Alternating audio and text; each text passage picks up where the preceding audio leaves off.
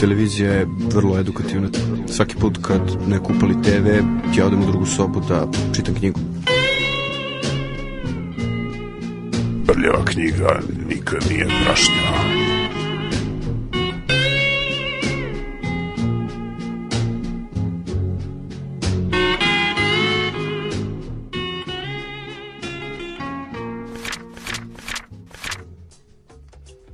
prašnja. smo šta, šta će se sve dešavati, projekciju Davida Brna, šta će se dešavati u budućnosti.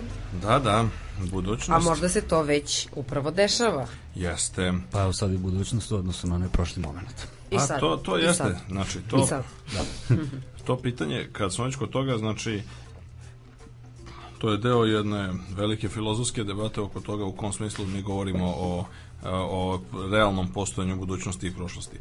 I sad ima, dakle, baš Einstein koga smo pominjali je u jednom čuvenom do duše privatnom pismu je baš insistirao na tome da zapravo nama fizika sugeriše da su i prošlosti i sadašnjost i budućnost podjednako realni. To što se nama ne čini, mislim, zove da je budućnost utvrđena i da se, što se nama čini da je prošlo zaista prošla i da više nije tu sa nama, je posljedica samo naše percepcije, a Mislim, Einstein je bar u starijim godinama, mislim, da to je pisao negde tu, ono, ovaj, 940-ih i ranih 50. godina je smatrao vrlo čvrsto je zagovarao tu ideju mislim koju filozofi nazivaju B teorijom vremena a to je da ideja da su zapravo i prošlosti i sadašnjost i budućnost podjednako realne i da nemamo nikakav razlog da govorimo o tome kako nešto ono je otišlo a nešto tek dolazi nego samo ga mi ne, ne percipiramo a ono je sve vreme tu sa nama na neki način. E, a pominjanje uopšte Znači sad da li je to tako ili ne, ima sad diskusija o tome, ne, ne, ne slažu se baš ni, ni svi fizičari i Einsteinom u tom pogledu, tako da mislim da ima diskusija o tome, ali kad smo već kod toga, a, već i to je dobar šlagvord za ovaj, našu poslednju rubriku današnjoj Radio Galaksiji, a to je da je Einstein bio između ostalog i čovjek koji je pratio razne stvari i pokrete, mislim, zove u ne samo u nauci, već i u umetnosti. I m, kako to već često biva m, komitet e, Švedske kraljevske akademije nauka koji a, dodeljuje Nobelove nagrade, između oslog Nobelove nagrade za a, književnost, ali svejedno oni imaju običaj da pitaju istaknute prethodne laureate koga bi oni kandidovali za Nobelove nagrade u raznim drugim oblastima. Naravno, to je potpuno neobavezujuće, mislim, zove to je apsolutno, mislim, zove potpuno opušteno i u najvećem broju slučajeva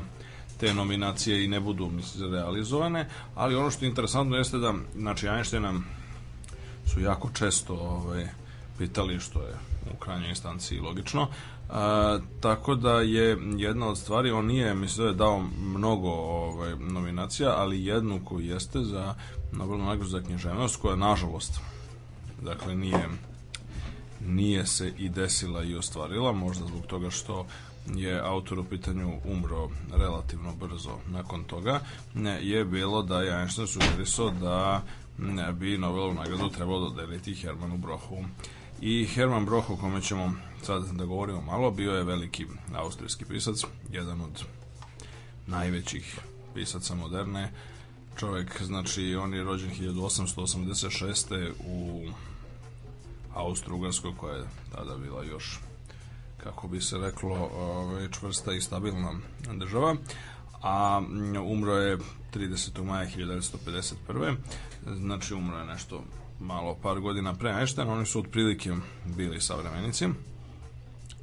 A, Baroh je veoma interesantan kao ličnost, on je rođen u Beču, dakle u, tom, u to vreme zaista onako, kako bi se reklo, centru sveta kulturnog, u svakom slučaju, u dosta a, bogatom okruženju, u jednoj vrlo naprednoj jevrejskoj porodici koja je imala nekoliko fabrika. On je jedno vreme radio i nameravao da se bavi upravo, upravo se bavi biznisom i studirao čak i ekonomiju i tako radio u, znači, u tekstilnoj fabrici svog oca, a, a potpuno ako privatno i u, u tajnosti praktično ovaj, je po nešto pisao.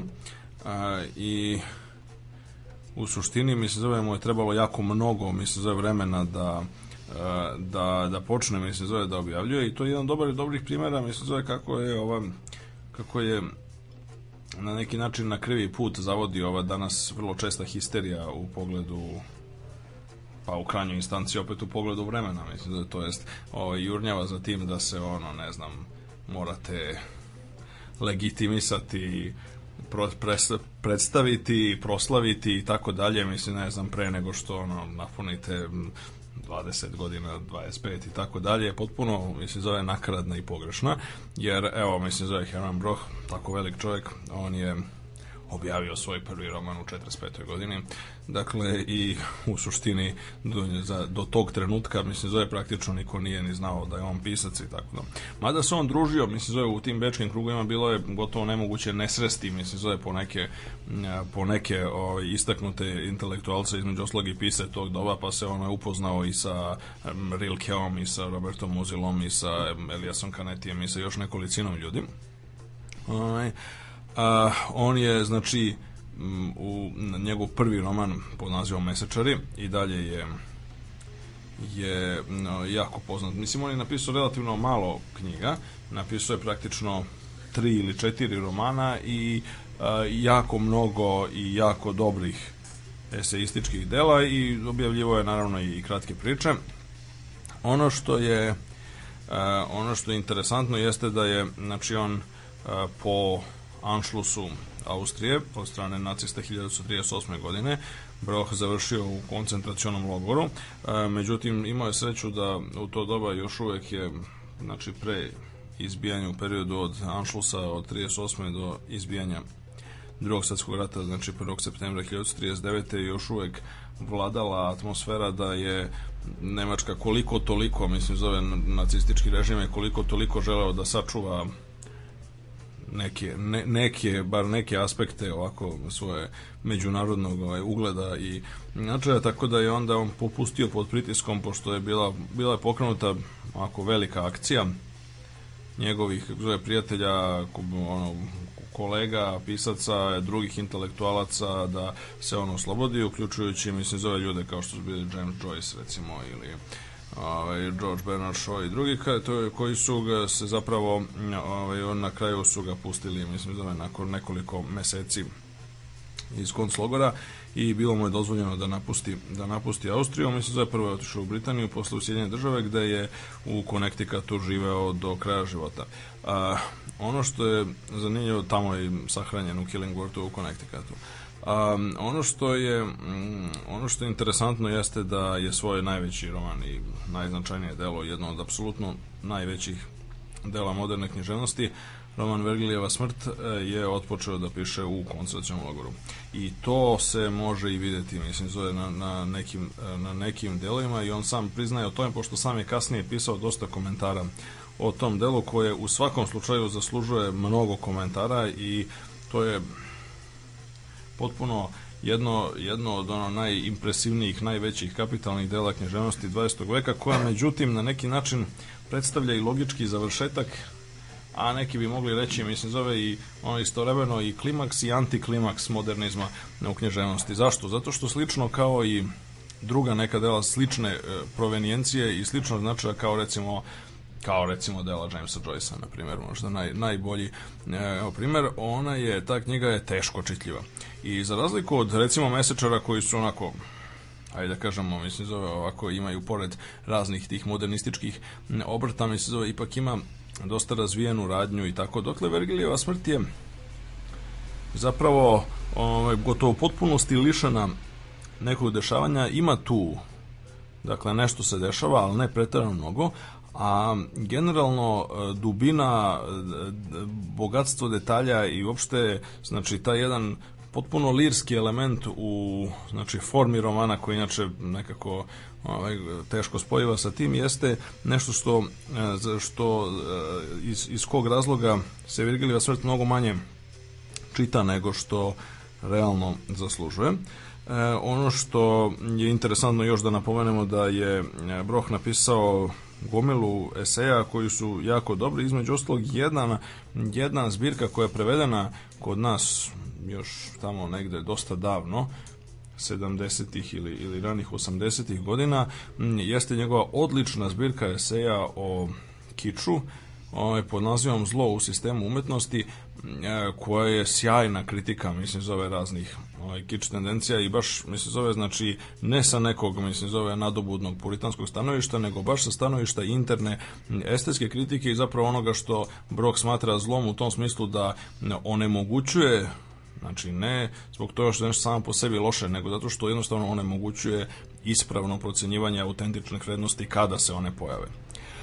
I ono što je, to je recimo jedna crna stvar. I mesečari su takođe prevedeni kod nas u e, dakle, izdanju Nolita, onih velikih romana, a Vergilijeva smrt je izašla, mislim, zove ovo izdanje koje, ja mislim da je jedno od dva izdanja koje je doživjela kod nas.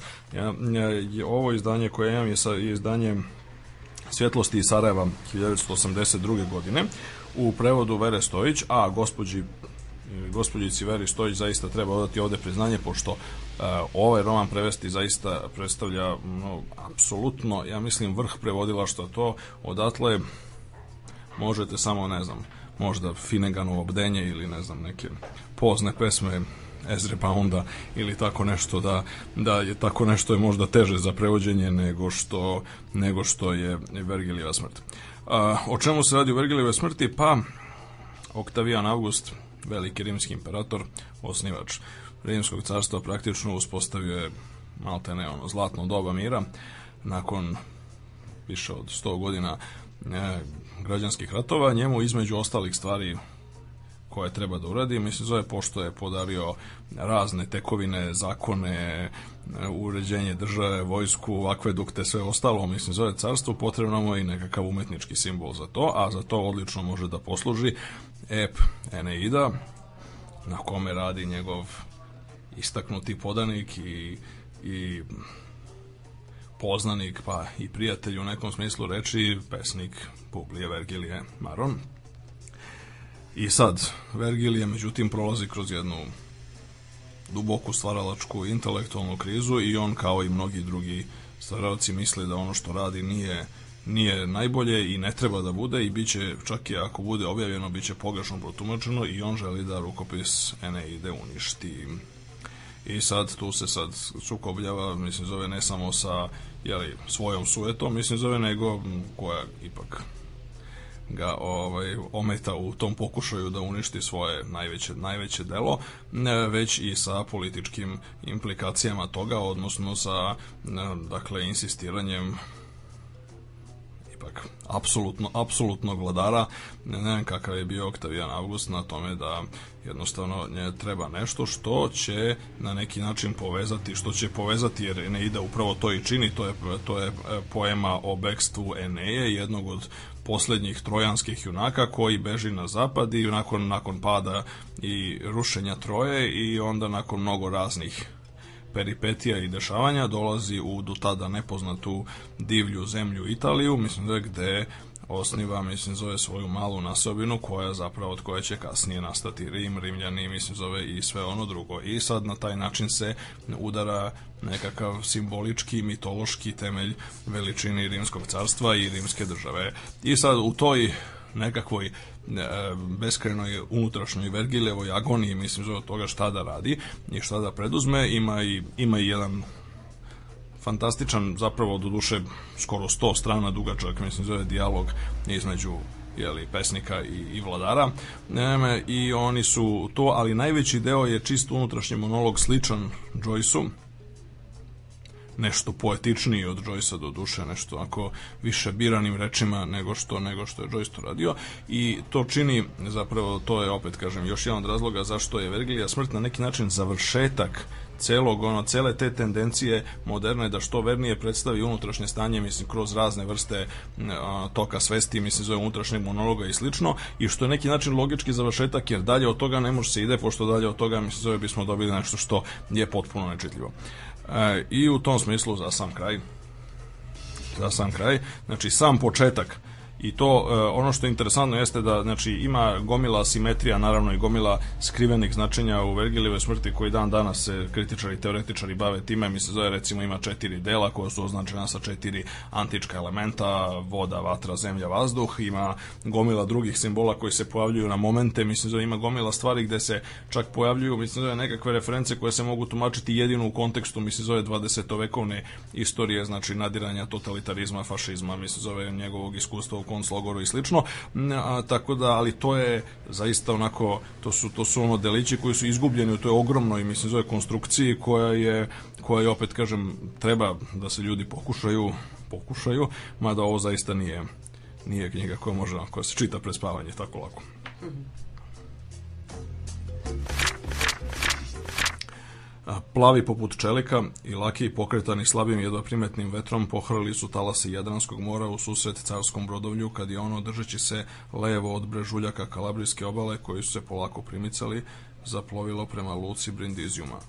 A sad, dok se sunčana, pa ipak slutnjom smrti prožeta samotnost pučine pretvarala u radost ljudske delatnosti, dok su talase blago obasjane blizinom ljudskog živovanja i boravljenja naseljavali raznoliki brodovi, Sad kad su ribarske barke nošene mrkim jedrima već svuda napuštale zaštitne nasipe svih onih mnogobrojnih sela i nasobina duž obale, zapljuskivane belom morskom penom i polazile u večernji ribolov, more je postalo glatko gotovo kao gledalo. Sedefasto se nad njim rasklopila nebeska školjka, spuštalo se veče i mogao se ostiti miris drva što sagorevaju u ognještima kad god bi zvuci života lupa nekog čekića ili neko dozivanje doprli otuda dovejani strujanjem povetarca. Od sedam brodova visokih paluba koji su u brazdi plovili jedan za drugim, samo su prvi i posljednji, vitke pentere, oštra kljuna, pripadali ratnoj monarici. Ostalih pet, glomazni i veličanstveniji sa 10 i 12 redova vesela, bili su građeni onim velepnim načinom što doliko je Avgustovom dvoru, a srednji najraskošniji, na kom su kao zlato sjali bronzom okovani pramac i lavlje glave nosači alki ispod ograde, i šarenila se zastavicama iskićena puta, nosio je svečano Cezare veliki šator postavljen ispod skerletnih jedara. A na brodu kojemu je sledio u stopu nalazio se pesnik Eneide i pečat smrti bio mu je utisnut na čelo.